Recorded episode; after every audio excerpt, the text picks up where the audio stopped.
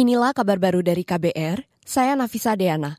Bekas Kapolres Bukit Tinggi Dodi Prawira Negara difonis 17 tahun penjara atau lebih rendah dari tuntutan jaksa yakni 20 tahun bui dalam kasus narkoba.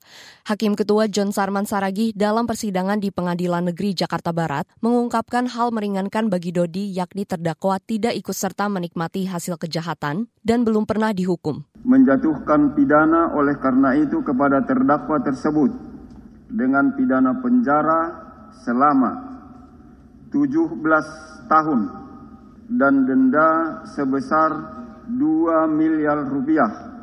Apabila denda tersebut tidak dibayar, maka diganti dengan pidana penjara selama enam bulan.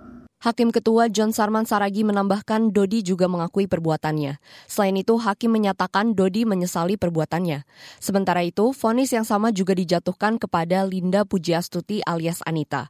Hakim menilai Anita secara sah dan meyakinkan terlibat dalam peredaran narkoba. Kita ke informasi selanjutnya.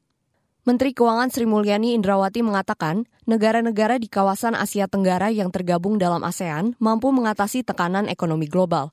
Menurutnya, tantangan global di tengah ketidakpastian karena pandemi maupun gejolak ekonomi dapat diatasi bersama oleh ASEAN.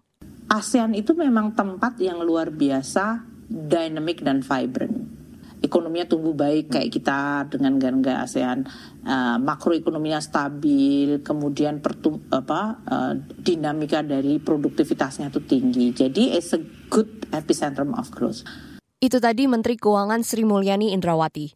Sebelumnya Presiden Joko Widodo dalam pembukaan KTT ASEAN mengatakan bahwa Asia Tenggara mampu menjadi pemain sentral dalam membawa perdamaian dan pertumbuhan.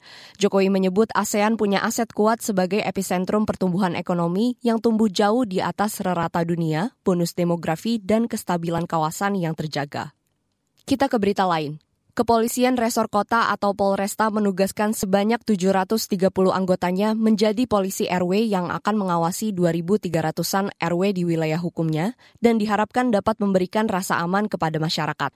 Dilansir dari Antara, Kapolresta Cirebon Arif Budiman mengatakan kehadiran polisi RW juga bertujuan untuk melakukan komunikasi dengan seluruh elemen di tingkat RW, sehingga mereka lebih intensif dalam deteksi dan antisipasi sekaligus mereduksi seluruh permasalahan di masyarakat. Menurutnya di wilayah hukum Polresta Cirebon terdapat ribuan RW yang tersebar di 351 desa dan 12 kelurahan yang berada di Kabupaten Cirebon. Demikian kabar baru dari KBR, saya Nafisa Deana.